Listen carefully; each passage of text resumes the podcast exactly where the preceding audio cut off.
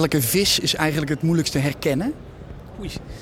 Welke vis is het lastig te herkennen? Eh, nou, eigenlijk alle platvissen zijn lastig te herkennen. En die lijken allemaal heel erg op elkaar. En een vis kan ook een keer, eh, een platvis zeker, die kan op zijn rug liggen of op zijn buik liggen. En als op zijn rug ligt, dan is hij helemaal wit. Aan de onderkant. Dan is hij eh, vrijwel niet meer te onderscheiden van andere vissen. Alleen nog een beetje op basis van zijn vorm. Maar je ziet geen tekeningen meer. Dus ja, platvissen. platvissen. Platvissen maken het een beetje moeilijk. Dat zijn, platvissen zijn lastige beesten. Trends, ontwikkelingen en uitvindingen in de Nederlandse foodsector. Vanuit de World Capital of Life Science is dit innovatie in food. Hier is Paul Sanders. Welkom bij weer een nieuwe aflevering van Innovatie in Food, de podcast over mooie en bijzondere vindingen en ontwikkelingen in de foodsector. En verderop in deze podcast gaan we bellen met het eerst, voor het eerst met, uh, met een van onze experts in het veld. En die gaan ons dan bijpraten over nieuwe en leuke initiatieven in food.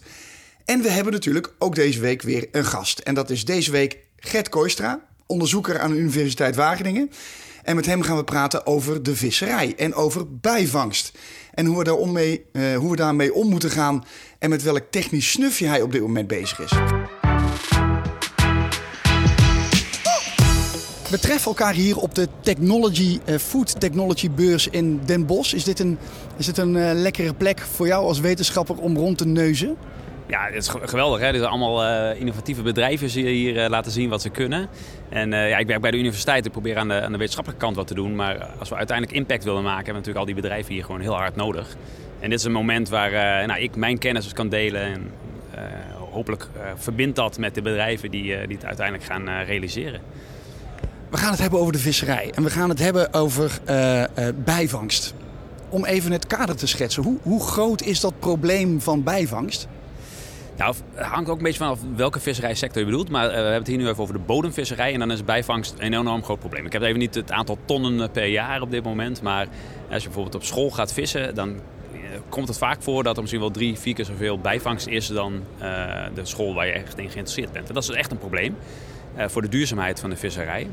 En ook voor de overvissing waar je net uh, al over begon. Wat, wat, wat, hoe gaat dat nu? Wat, wat gebeurt er met bijvangst? Bijvangst, uh, nou, tot voor kort, of voor een paar jaar terug, uh, werd dat gewoon weer overboord gezet. deel van die vissen overleven dat, deel van de vissen overleeft dat niet. Ehm, maar er zitten ook bedreigde soorten bij. En de overheid, EU, heeft besloten van we moeten weten hoeveel van die bedreigde vissen er worden gevangen. Want dat moeten we weten voor de het, inschatten hoeveel, de, hoe groot de populatie überhaupt nog zijn. Dus tegenwoordig is er een, een aanlandplicht. Vissers die moeten hun volledige vangst, dus alles wat ze vangen, ook als ze niet in geïnteresseerd zijn, moeten ze meenemen uh, naar de haven toe. en daar wordt het gesorteerd, gewogen en dan, dan komt dat op de, op de quota terecht. En het kan zijn als je bijvoorbeeld te veel roggen vangt, waar je misschien niet geïnteresseerd in bent, maar je hebt ze wel gevangen. Dat je op een gegeven moment dat, dat de boot aan de ketting komt te liggen, omdat er niet meer verder gevangen mag ja, dus, dat, dus dat eigenlijk zo'n schip aan de ketting gelegd wordt omdat de bijvangst te groot is geworden? Ja, precies. Ja. Dus wij proberen dat systeem te veranderen door te zeggen, ja, je hoeft er niet aan te landen, maar het moet wel geregistreerd worden. En wellicht kan dat automatisch. Dus dat proberen wij te doen, om hand van... Even terug zeg maar, naar de basis. Het is, het is een machine, het is een lopende band. Wat gebeurt er? Daar komt vis op. Alle vis die wordt gevangen komt op die lopende band. En wat gebeurt er dan? Nou, de eerste, daar staan de mensen aan de band om de vissen eruit te trekken die ze willen verkopen. Nou, dat wordt allemaal keurig geregistreerd, want dat gaat naar de veiling toe. Dus dan weten we precies hoeveel dat is. Dat is geen probleem. Uh, alles wat dan nog overblijft, uh, aan het eind van de band hebben wij dan een camera op staan. Die, die registreert alles. Alleen, ja, een camera, wat geeft een camera? Die geeft gewoon beelden met miljoenen pixels. En dat natuurlijk niet één beeld, maar 15 beelden per seconde. Dus dat gaat zo'n hele trip hebben. Ja, terabytes aan data komt daar binnen. En dan moeten we informatie uithalen, want alleen die pixels hebben we niks aan. We moeten weten wat voor vis was dit. Was dit nou een school? Was dit een schar? Um, en hoe, hoe, zwaar was die vis? Dus die informatie proberen we eruit te halen. Uh, en dat is inderdaad wat je zegt, een heel lastig proces. Het is al lastig als je een mooie, schone vis hebt en je kan die op een blauwe achtergrond leggen. Uh, dan is het, uh, doen systemen dat al niet perfect. Maar ja, dat is nog enigszins dat is wel te doen. Uh, maar nu liggen ze op een vuile lopende band. Uh, er liggen andere vissen half overheen. Er liggen stenen op. Er lopen soms nog krabbetjes overheen. Uh, en die, die verstoren natuurlijk het camerabeeld. En dan krijgen we dus informatie die incompleet is. En waar heel veel onzekerheid in zit. En dus onze uitdaging is om toch informatie, betrouwbare informatie uit die beelden te halen. We gaan zo meteen even kijken naar het apparaat zelf hè, en hoe dat werkt. En dan, en dan ga je ons uitleggen hoe dat, hoe dat, hoe dat precies in zijn werk gaat. Um, als ik nog eventjes terug ga naar die vissen. Sorry, het is misschien een beetje een gekke vraag. Maar er zijn natuurlijk nou ja, honderdduizenden vissensoorten in de wereld. Uh, Oké, die komen misschien niet allemaal voor in de Noordzee, maar een heleboel wel. Um, ja, is dat systeem ooit uitgeleerd? Want er zijn zoveel vissen. Ja, eigenlijk weten we dat op dit moment niet. Maar waar we nu druk mee bezig zijn, is dat het systeem zelf bepaalt of doorheeft. Hier gebeurt iets, iets nieuws. Ik zie nu beelden die ik nog niet eerder heb gezien. En dat kan inderdaad een nieuwe soort zijn. Het kan ook zijn dat er, nou, misschien is iets aan de hand met de camera. Dat zou een probleem kunnen zijn. Of er ligt opeens heel veel extra troep. Uh, weet je, misschien is een container overboord geslagen en er zitten opeens allemaal schoenen in of zo. Dat gebeurt. Maar dat het systeem dat zelf doorheeft. Dat noemen we active learning. Dus het systeem zegt, ah, hier, hier ligt bepaald vis, ik ben er ook heel zeker van, dus ga die maar tellen. Maar dat geeft ook aan, hier ben ik onzeker over, ik weet niet wat er aan de hand is. Ten eerste kunnen we dat meenemen in de, in de weging van die tellingen.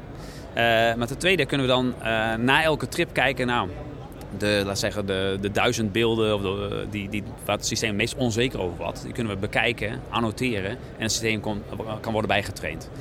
En op dit moment uh, is het nog zo dat bij elke nieuwe trip er nieuwe data is die we moeten bijtrainen. Maar dat, dat zal op een gegeven moment afvlakken. Wanneer dat gebeurt, ja, dat is eigenlijk een, grote, een van de grote onderzoeksvragen ook.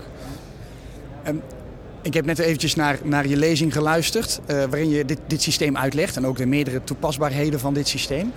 Um, ja, er was een prachtige term voor, ik ben even die term kwijt, maar Um, ja, zo'n vis ligt natuurlijk uh, niet, een 9 van de 10 keer niet prachtig schoon op die band. Daar ligt een andere vis overheen, of een stuk plastic, of een, uh, een stuk zeewier. En misschien is alleen het staartje, of alleen een vin, of alleen de kop zichtbaar. Hoe gaat het apparaat daarmee om? Ja, dat, noemen we occlusie, misschien is dat het woord. Uh, ja, precies. Ja. Ja, ja. ja, nee, dat is inderdaad een groot probleem. Eh, voor een mens ook al. Hè. Als je alleen nog maar het staartje ziet, ja, kan je dan herkennen wat het is. Nou, een, een echte expert kan nog een heel eind komen. Maar uh, dat is op dit moment een groot probleem. En dat hebben we ook wel aan kunnen tonen. Dus de vissen die goed zichtbaar zijn, waarvan nou, 80, 90, 100 procent zien... Uh, die kunnen we ook goed klassificeren. Maar op het moment dat ze deels verstopt zitten onder andere vissen of onder uh, rotzooi, dan wordt dat steeds uh, lastiger om dat te doen. Nou, op dit moment proberen we dat verder te verbeteren. Bijvoorbeeld door systemen te trainen die op basis van die staart een voorspelling kan maken. Of op basis van de kop. Want heel vissen hebben toch wel bepaalde hele specifieke karakteristieken. En dan krijg je eigenlijk een twee-staps-raket. Waarbij je eerst proberen de volledige vis te herkennen. Lukt dat niet, omdat het systeem ziet dat er te veel occlusie. Dan kunnen we een tweede systeem inzetten die bijvoorbeeld de staartvinder eruit probeert te pakken of de kop eruit probeert te pakken en aan de hand daarvan uh, klassificaties gaat doen. En dan is natuurlijk de, de, de, belangrijkste vraag, wat heb je eraan? Ik als gewoon, uh, gewone Nederlander, wat heb ik aan dit systeem? Nou, uiteindelijk, kijk, op dit moment is het een registratieplicht waar we naartoe willen. Dus niet meer een aanlandingsplicht, maar een registratieplicht. Uh, informatie voor de overheid, wat de overheid wil. Maar als we dit live kunnen doen, en dat kunnen we live doen, dan kan de, de, de visser kan zien wat er gebeurt.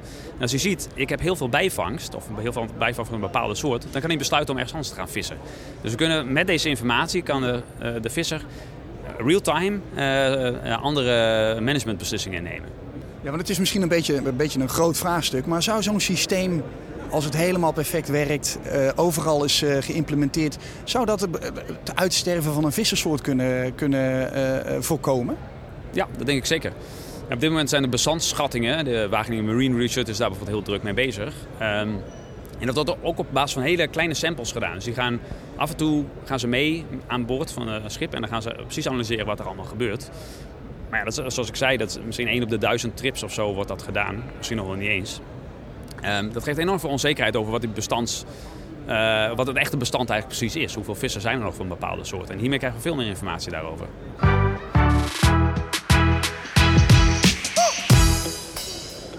Oké, we staan nu bij een apparaat en dat ziet er echt uit als een klassieke lopende band. Um, een, een, witte lopende band die nu aan het draaien is. Er staan wat kratjes met, uh, we kunnen wel even naartoe lopen, nou ja, met wat uh, stukken broccoli uh, en wat, wat vissen. Dat is natuurlijk nu voor de, voor de demonstratie. Wat is dit? Dit is het apparaat? Ja, dit is het apparaat. Dus dit is uh, de, de visionkast die wij ook op de lopende banden aan boord van de scheep hebben staan. Dat is maar een kleintje. Deze is zelfs nog wat groter. We hebben hem inmiddels nog wat kleiner. Uh, en dat is ook belangrijk, want uh, er is heel weinig ruimte uh, op zo'n schip. er moeten twee mensen sorteren. dus elke, op dit moment neemt hij bijna één persoon aan ruimte in. Dat moet terug naar een half persoon. dus, ruimte is belangrijk. Nu staat naast het apparaat, hij staat nu even te praten met andere mensen, maar daar staat Angelo. En Angelo is heel erg gepassioneerd over dit ding, hè? Ja, Angelo ja, is Italiaan, dus uh, sowieso gepassioneerd. Uh, maar die werkt heel hard aan dit systeem. Uh, we werken hier samen aan. Dus ja, Angelo is mijn collega en die kan het meest vertellen over dit systeem. Ja, onder de scanner wordt een foto gemaakt. Ja, eigenlijk 15 foto's per seconde worden gemaakt. En wordt ehm, gestuurd aan een andere computer in de, de brug van de, van de skipper. Waar worden de beelden geanalyseerd. Nu hebben we hier eventjes gewoon, dit is voor de demonstratie, wat plastic dingetjes. Ja, hè? Kunnen we die er... heel goed met plastic. Ja, kunnen, kunnen, kunnen, we die er even opleggen? Want we hebben wat vissensoorten, maar er ligt ook bijvoorbeeld een broccoli en een bekertje tussen. Wat ook wel eens in zee opgevist wordt. Ja, broccoli altijd. Nou ja, broccoli misschien niet, maar bekertjes helaas wel. wel. Kunnen, we dat, kunnen we het eens erop, uh, erop uh, gooien en kijken wat er gebeurt? Yes, we gaan doen. We gaan nu de hele doos pakken. En wat we doen, is gewoon uh, nu uh, de vis op de lopende band ja? stoppen. Gemixte, uh, of in een kant en andere kant. Want het is met samen ook andere objecten. Dus dat kan beker zijn, ja. bijvoorbeeld. Maar het kan ook mijn telefoon zijn. Oh, ja. Dit is ook niets anders. Het is niet belangrijk wat is dat. Belangrijk is dat de vis wordt erkend. Ja. En nu, nu, kijken we naar een schermpje. Wat, wat gebeurt daar? In deze schermpje, je ziet wat de machine zien in uh, binnen de systemen, dus 15 beelden per seconde. En in de andere scherm... we lopen er even naartoe. Pas op je telefoon. Gooi mijn telefoon inderdaad. uh, in de andere scherm zien wat uh, de systemen bij de brug, bij de skipper zien. Dus in deze systemen zien we de lijnscan, zie je de vis. De vis wordt erkend en wordt ja, geclassificeerd en geteld ook. En de, uh, de volume gemeten, zo de schatting van de, van de gewicht. Ook de lengte. Want natuurlijk, uh, één manier om te uh, selecteren de vis is ook op de lengte. Als het jonge vis of een mature vis is. In principe in de discard zijn alleen vissen dat worden niet verkocht. Dus is kleine vissen kan zijn. Maar kan ook quotavis, grote vis, dat is niet, niet voor de. En nu is natuurlijk het allergrootste voordeel, die vis wordt hier geteld door het systeem. Komt op het schip in een kratje terecht en kan eigenlijk meteen weer terug het water in. Het hoeft niet, terug, het hoeft niet naar de haven. Nee, dat is inderdaad het idee van deze project.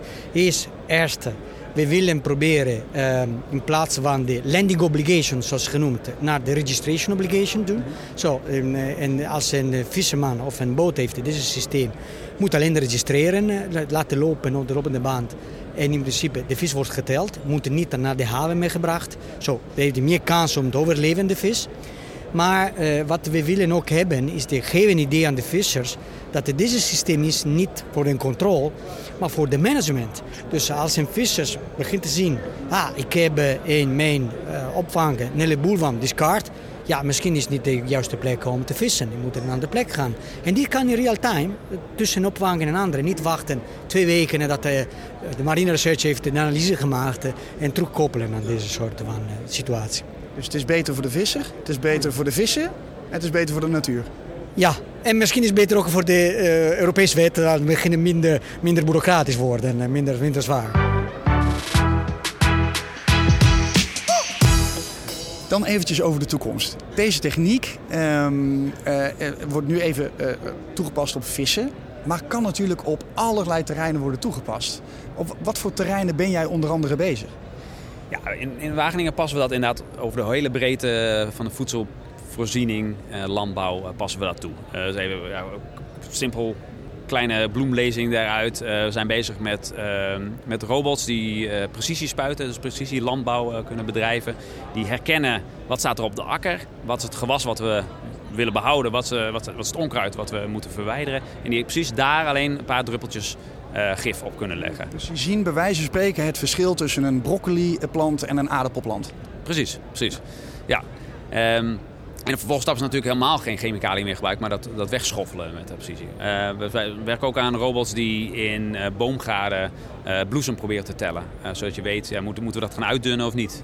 appels proberen te tellen om een, een bestandsschatting te krijgen. Hoeveel gaan we oogsten over een bepaalde periode. robots die de kassen in kunnen om bladeren te verwijderen bij tomatengewassen of die tomaten kunnen oogsten.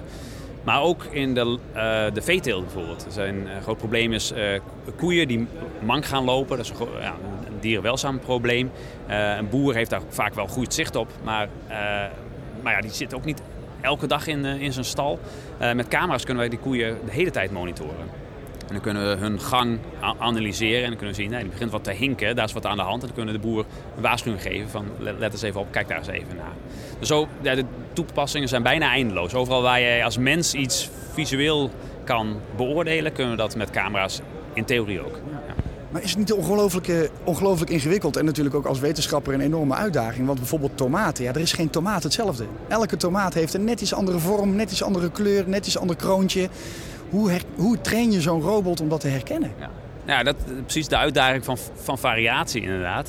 Ik zie dat je goed hebt opgelet bij, een, bij de presentatie. Heel goed. Uh, dat is inderdaad een van, van de grote uitdagingen. En, en nou ja, zoals ik net zei, dat die deep learning technieken die helpen al enorm. Uh, waar wij voorheen dus met de hand probeerden daar bepaalde features uit te halen. Dan liepen we vaak er tegenaan dat dat heel slecht generaliseerde naar een nieuw tomatengewas.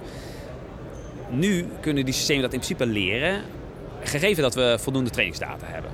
Dus als wij een, een, een trainingsdataset kunnen aanbrengen die, waar die variatie in uh, aanwezig is, dan kan het systeem dat leren. Om dat in, in die situatie te herkennen. En dan komt ook weer dat active learning om de hoek kijken.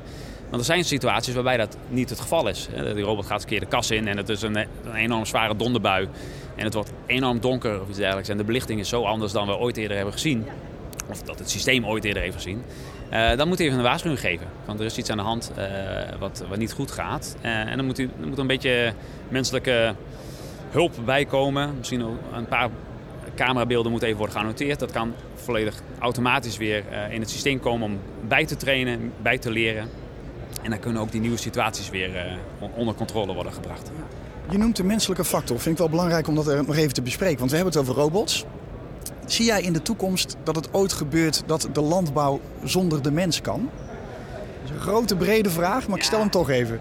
Ja, theoretisch ja. Dus als je filosofisch eh, zegt, kan, kan een computer, kan een robot een mens vervangen, dan in principe kan dat. Maar eh, ik, ik zie ook wel dat, het nog, dat die toekomst nog heel ver voor ons ligt. We hebben wel, er zijn AI-onderzoekers, Elon Musk bijvoorbeeld, die zegt dat singulariteit, het moment dat de robots slimmer zijn dan de mens, die is nabij. ik geloof dat niet. Dat zien we gewoon uh, zelf. Ik, gaf in de presentatie ook een voorbeeld dat wij uh, met een robot over, uh, over de akkers heen gaan. En plotseling hebben, zijn we in een veld waar, waar er eikenbladeren liggen. Nou ja, als mens heb je daar geen enkel probleem mee, want we weten wat een eikenblad is. En ja, dat is oké, een beetje raar dat het hier is, maar ik kan dat negeren. Die, voor die computer is is volledig iets nieuws. Weet geen, heeft geen idee wat hij daarmee moet. Dus als we daar echt mee overweg willen kunnen met al dat soort rare situaties, dan moet een AI-systeem ook wat we dan zeggen, algemeen intelligent zijn. Die moet niet alleen maar onkruid en planten kunnen herkennen, maar die moet eigenlijk de hele wereld kennen en, begrijpen. En, improviseren. Dat is misschien wel de grootste kracht van de mens. Dat wij kunnen improviseren, dat wij kunnen, kunnen, uh, van koers kunnen veranderen. Ja, ja precies. Dat we uh, ook verbanden kunnen leggen tussen andere domeinen. Ja. En op dit moment zie je dat er eigenlijk, uh, AI is heel ver op hele specifieke, nauwe gebiedjes. Maar om die, die algemene intelligentie, daar, daar zijn we nog heel ver vanaf. Maar dat gat tussen, eigenlijk, zeg maar, tussen de mens en een robot wordt wel steeds kleiner. Ja, zeker. En, uh, maar goed, even, terug, je begon over de mens en, uh, en, de, en het systeem, de robot in interactie. Ik denk dat dat, nu de, de, tussenstap is waar, die we nu heel goed moeten gaan verkennen. Of dat wordt ook gedaan. Die robots kunnen dingen doen, die kunnen hele nuttige dingen doen, maar die kunnen nog niet alles doen. Nou, als je een robot in, in symbiose eigenlijk met, met een mens die taken kan laten verrichten, ja, dan, kan je samen kosten besparen, je kan waarschijnlijk de productie verhogen. Dus dat is op dit moment waar we zijn en ik denk ook wat, enorm veel meerwaarde heeft. Dus alle de ontwikkelaars van, van, van robottechnologie die focussen op 100% autonomie, ik denk dat, dat ja, die lat ligt nog gewoon te hoog. Zoals bij elke gast van onze podcast gaan we ook jou vier hele belangrijke vragen stellen over de toekomst. Ben ben je klaar voor? Ik ben helemaal klaar voor. Komt-ie. Vier vragen voor overmorgen. Vraag 1. De food startup die het nog wel eens heel erg ver kan gaan schoppen is ik durf zo even niet een naam te noemen. Maar ik zie wel, dat op dit moment zijn er uh, start-ups, uh, onder meer vanuit Wageningen, maar ook vanuit andere TU's. Uh, helemaal slimme gasten, slimme studenten. die rondom die beeldverwerking bezig zijn. En daar is gewoon op dit moment veel te halen. Het is ook goed dat er gewoon veel mankracht op, komt te staan. Dus dat soort bedrijfjes, nou, je ziet nu al dat die, dat die winst maken, maar die, dat, dat gaat groot worden. vrij snel al, denk ik. en dan zie ik ook andere start-ups die meer rondom die robotica. dus daar gaat het niet alleen maar over iets waarneming in het beeld, maar ook iets doen. Dat is wel een stapje lastiger. Uh, dat, dat gaat nog eventjes duren, denk ik. Maar uiteindelijk gaat dat ook booming worden. Ja. Vraag 2. Ik denk dat er meer onderzoek gedaan moet worden naar. Nou ja, we hebben het eigenlijk benoemd. Hè. Dus die variatie is een groot probleem uh, in de agrarische sector, zeker buiten. Uh, dingen zien er zoveel verschillend uit. we hebben zoveel verschillende soorten, nou, tomaten bijvoorbeeld. En in zoveel verschillende omgevingen. Variatie, dat is een groot thema. Daar moet veel meer onderzoek naar worden gedaan. Hoe gaan we dat oplossen? Op een, op een slimme manier, zodat we niet al te veel data nodig hebben. Nu kunnen we dat oplossen door tienduizenden foto's te gaan verzamelen en te annoteren. Dat, is ook, dat kost ook allemaal geld en tijd. Dus hoe kunnen we dat nou doen met minder data? Hoe kunnen we efficiënter deep learning krijgen? Dat is één. En de tweede is, zijn die occlusies. Dus als je in een omgeving bent waar je dingen maar deels ziet, hoe ga je daarmee om? Nou, hoe doen we dat als mens? Wij gaan actief kijken. Uh, je, je, je, neemt een ander standpunt in. Je duwt eens een keer een blad opzij om te kijken wat zit daar eigenlijk precies achter. Robots kunnen dat in, in principe ook. Maar hoe moeten ze dat doen? Uh, nou, dat is een belangrijk onderzoeksthema. Vraag 3. De innovatie in food waar ik het meeste in geloof. Ja, kijk, duurzaamheid is, is, is, het grote thema, denk ik. Hè? Dus, uh, en dat, dat is, uh, daar is geen één oplossing voor. Uh, ik, ik, probeer natuurlijk de agro-robotica te, te, promoten daar. Ehm, nou, voor, de, voor duurzaam is dat niet per se altijd een goede oplossing. Want een robot kost ook veel energie. En een mens kan dat waarschijnlijk efficiënter doen. Dus dat is niet per se altijd de oplossing. Dus, maar zeker op het, op, op het veld, als het gaat om het gebruik van uh, onkruidbestrijding, uh, gewasbeschermingsmiddelen, et cetera. Op dit moment komt er heel veel chemicaliën komen, komen er in de natuur terecht. slecht voor de natuur, slecht voor de mens. En dat kunnen we gewoon echt heel goed oplossen. Dus dat, dat, dat, is wel een belangrijk thema, denk ik, waar we aan bij kunnen dragen. Maar als ik kijk naar mezelf, ik probeer bijvoorbeeld mijn vleesconsumptie enorm te verminderen. En dat is, daar kan je gewoon zelf heel snel wat aan doen. Dat heeft ook meteen uh, effect. Het hoeft gewoon echt minder te worden geproduceerd. Dus dat is ook iets. We moeten, er moet een omslag komen in het denken met wat we eigenlijk eten. En uh, vlees elke dag op het bord, is dat nodig? Nou, ik denk van niet. Af en toe is het heel lekker, maar uh, een lekkere groenteburger is ook top. Het is een prachtig bruggetje naar de volgende vraag. Vraag 4. Wat wordt eerder een hit? De kweekburger of de insectenburger? Ja, ik uh, denk eigenlijk de, de plantaardige burger. Kijk, ja. een variant. Ja, ja, dat ook, ja insecten moeten ook gekweekt worden. Uh, kosten ook e-, energie. Uh, planten zijn er. En je kan, ze heerlijk, kan er heerlijke gerechten van maken. Champignons misschien ook. Het zijn geen planten, maar champignonburger bijvoorbeeld. Ja, nee, dus ik denk plantaardig. Ja. En als je dan toch zou moeten kiezen tussen die twee, de kweekburger of de insectenburger, dan zeg jij? Dan ga ik voor de insectenburger. In de podcast Innovatie in Food uh, gaan we vanaf uh, deze aflevering iets nieuws doen. We gaan uh, bellen met mensen in het veld. Mensen die deze ontwikkelingen, die innovaties in, in de foodsector goed in de gaten houden. En we gaan dus met ze praten wat, is, wat ze is opgevallen. En een van die mensen is José van Gerven. José, welkom. Dankjewel, Paul. Jij werkt bij de provincie Gelderland. Wat doe je daar precies? Even ter, ter introductie. Uh, ja, verschillende dingen. Um, ik vind vooral leuk de uitvoering van beleid. Dus, um, en ben onder andere betrokken bij uh, de verdere ontwikkeling van ja, een heel belangrijk innovatiecluster uh, in Gelderland, het AgriFood Cluster. Ehm, iedereen kent wel Wageningen Universiteit. Nou, dat willen we graag dat alle kennis daar ook bijdraagt aan allerlei innovaties. Um, en daarnaast ben ik ook betrokken bij projecten rondom circulaire economie, uh, het verminderen van voedselverspilling, reststroomverwaarding. En ik doe ook nog wat um, voor de land- en tuinbouwsector, ook vooral nieuwe ontwikkelingen zoals agroforestry. Dat is het integreren van bomen en uh, struiken uh, in landbouwbedrijven. Dus ja. heel divers, Paul. Kortom, alle innovaties heb jij wel in het snotje wat er, wat er op dat gebied gebeurt. Nou, alles is wel heel veel, maar wel vrij breed. En, uh, Precies. Ja. ja. Nou, we bellen. Uh, en jij bent een van de mensen waar we heel graag mee willen bellen. om eens uh, te kijken wat er allemaal gebeurt in het veld. En um, je wil het graag hebben over een bedrijf met een prachtige naam: Time Traveling Milkman. Wat is dat in hemelsnaam? Ja, dat is ik vind een bijzondere naam inderdaad. Het is een Wageningsbedrijf, uh, is ook een spin-off. En nou ja, wat ik al zei, het is belangrijk dat we meer plantaardige eiwitten gaan gebruiken. maar goed, dierlijke eiwitten hebben natuurlijk ook bepaalde eigenschappen, ook goede eigenschappen. Nou, hoe vervang je dat? Daar heb je dus andere, ja, zeg maar meer functionele ingrediënten voor nodig. En Time Traveling Milkman, dat is zo'n bedrijf die uh, dan ja, duurzame vetingrediënten ontwikkelt, die ook gewoon uh, ja, de goede, romige en gezonde eigenschappen uh, hebben, die je wel weer wil. Want als consument willen we wel uh, minder eten, maar, of anders gaan eten, maar het moet vooral ook wel smakelijk zijn. En ja, vet vinden we toch nog steeds allemaal heel lekker. Ja, vet is smaak, hè, zeggen ze wel eens. Ja, Nee, dat is, eh, dat is zeker zo. Met roomboter wordt alles lekker, zeggen ze dan. Ja, precies. Absoluut. En volle melk is ook lekkerder dan halfvolle melk. Maar ja, goed. Oké, Time Traveling Milkman. Dat is dus een bedrijf dat we volgens jou ook uh, een beetje in de gaten moeten houden. Dan de volgende, ook als een prachtige naam.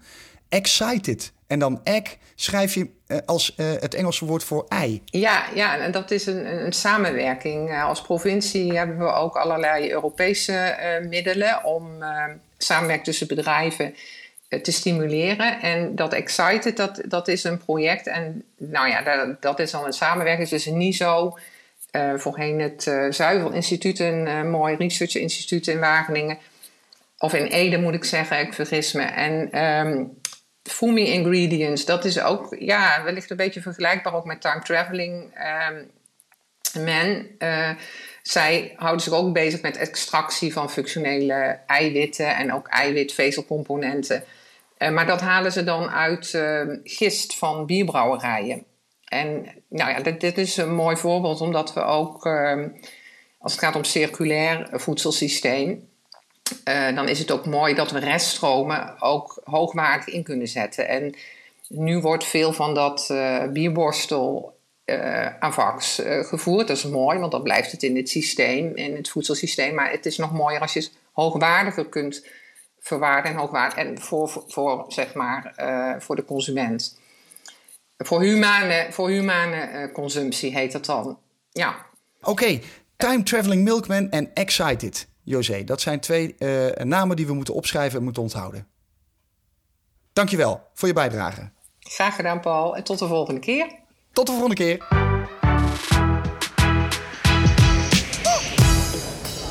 We praten nog even verder met Gert Kooistra van de Universiteit Wageningen. We zijn terug op de Food Technology Beurs in Den Bosch. Uh, Gert, welke sector, denk jij, zal de komende tijd zich het hardste gaan ontwikkelen als het gaat om die robottechniek? Ja, uh, Kijk, het is een soort van gradient in hoe, hoe moeilijk dingen zijn. We staan hier op een food technology beurs. Heel veel is hier eh, post-harvest. Dus, fruit is al geoogst en het ligt. Uh, en dan heb je een, een, een, omgeving waar je veel dingen kan controleren. Dus je kan de belichting controleren, je kan de hoeveelheid luchtvochtigheid kan je, kan je controleren. Je kan, die occlusies kan je voorkomen door te zorgen dat alles al verinkeld op de banden ligt. En nou, dat zie je al, ook hier op de beurs, er staan al heel veel robots die doen al hele nuttige dingen. Uh, dus dat, daar, zal, daar zullen de stappen het snelst worden gemaakt. Als je toegaat naar die volledig ongecontroleerde toestanden op het open veld, in een kas waar belichting constant verandert, waarbij enorm veel variatie is, dat gaat langer duren. Maar daar gaan we er ook naartoe. Dat, dat gaat komen. Ja. Dus, dus, hoe minder variabelen waar die robot bezig uh, mee moet zijn, hoe makkelijker het is eigenlijk. Hè? Precies. Ja. Dus, dus, is het makkelijker om, uh, om toepassingen te vinden daarvoor. Ja, ja. En dat is misschien ook wel uh, leuk. Bijvoorbeeld uh, veredel, plantveredelaars. we werken ook samen met Enza, Rijkswaan. die produceren heel veel tomatenzaden voor tomatenplanten. Um, en die zijn nu ook bezig om tomatensoorten te gaan kweken die makkelijker zijn om met een robot te worden geoogst. Ze proberen al die variatie er een deels weer uit te halen in de veredeling. Dus dat is een hele leuke samenwerking. En zo, spe zo, speelt de ene sector in op de andere sector? Precies, ja. ja. Ja, Voor jou als wetenschapper kan ik me voorstellen dat het een ontzettend leuke, spannende tijd is. Met heel veel mogelijkheden en heel veel uh, inspiratie en ideeën. Ja, absoluut. Ja, ik heb ooit uh, kunstmatige intelligentie uh, gestudeerd in Groningen. En toen voornamelijk geïnteresseerd ook vanuit het filosofische concept. Maar dat nou, praten we ook al meer dan twintig jaar geleden. Ja. Uh, en, en, nu kunnen we dingen realiseren. En dan ook nog eens keer in een hele belangrijke sector, de agro-food sector. toch vrij cruciaal. Ja, eh. misschien wel de belangrijkste sector zou ik bijna zeggen. Ja, nee, precies. Ja, zoals je zegt, hè, zonder voedsel eh, kunnen we niet toe. En, maar op de, eh, de agrarische sector is op dit moment wel een van de grootste vervuilers. Dus ja, de- er moet, eh, er moet wat gebeuren hier.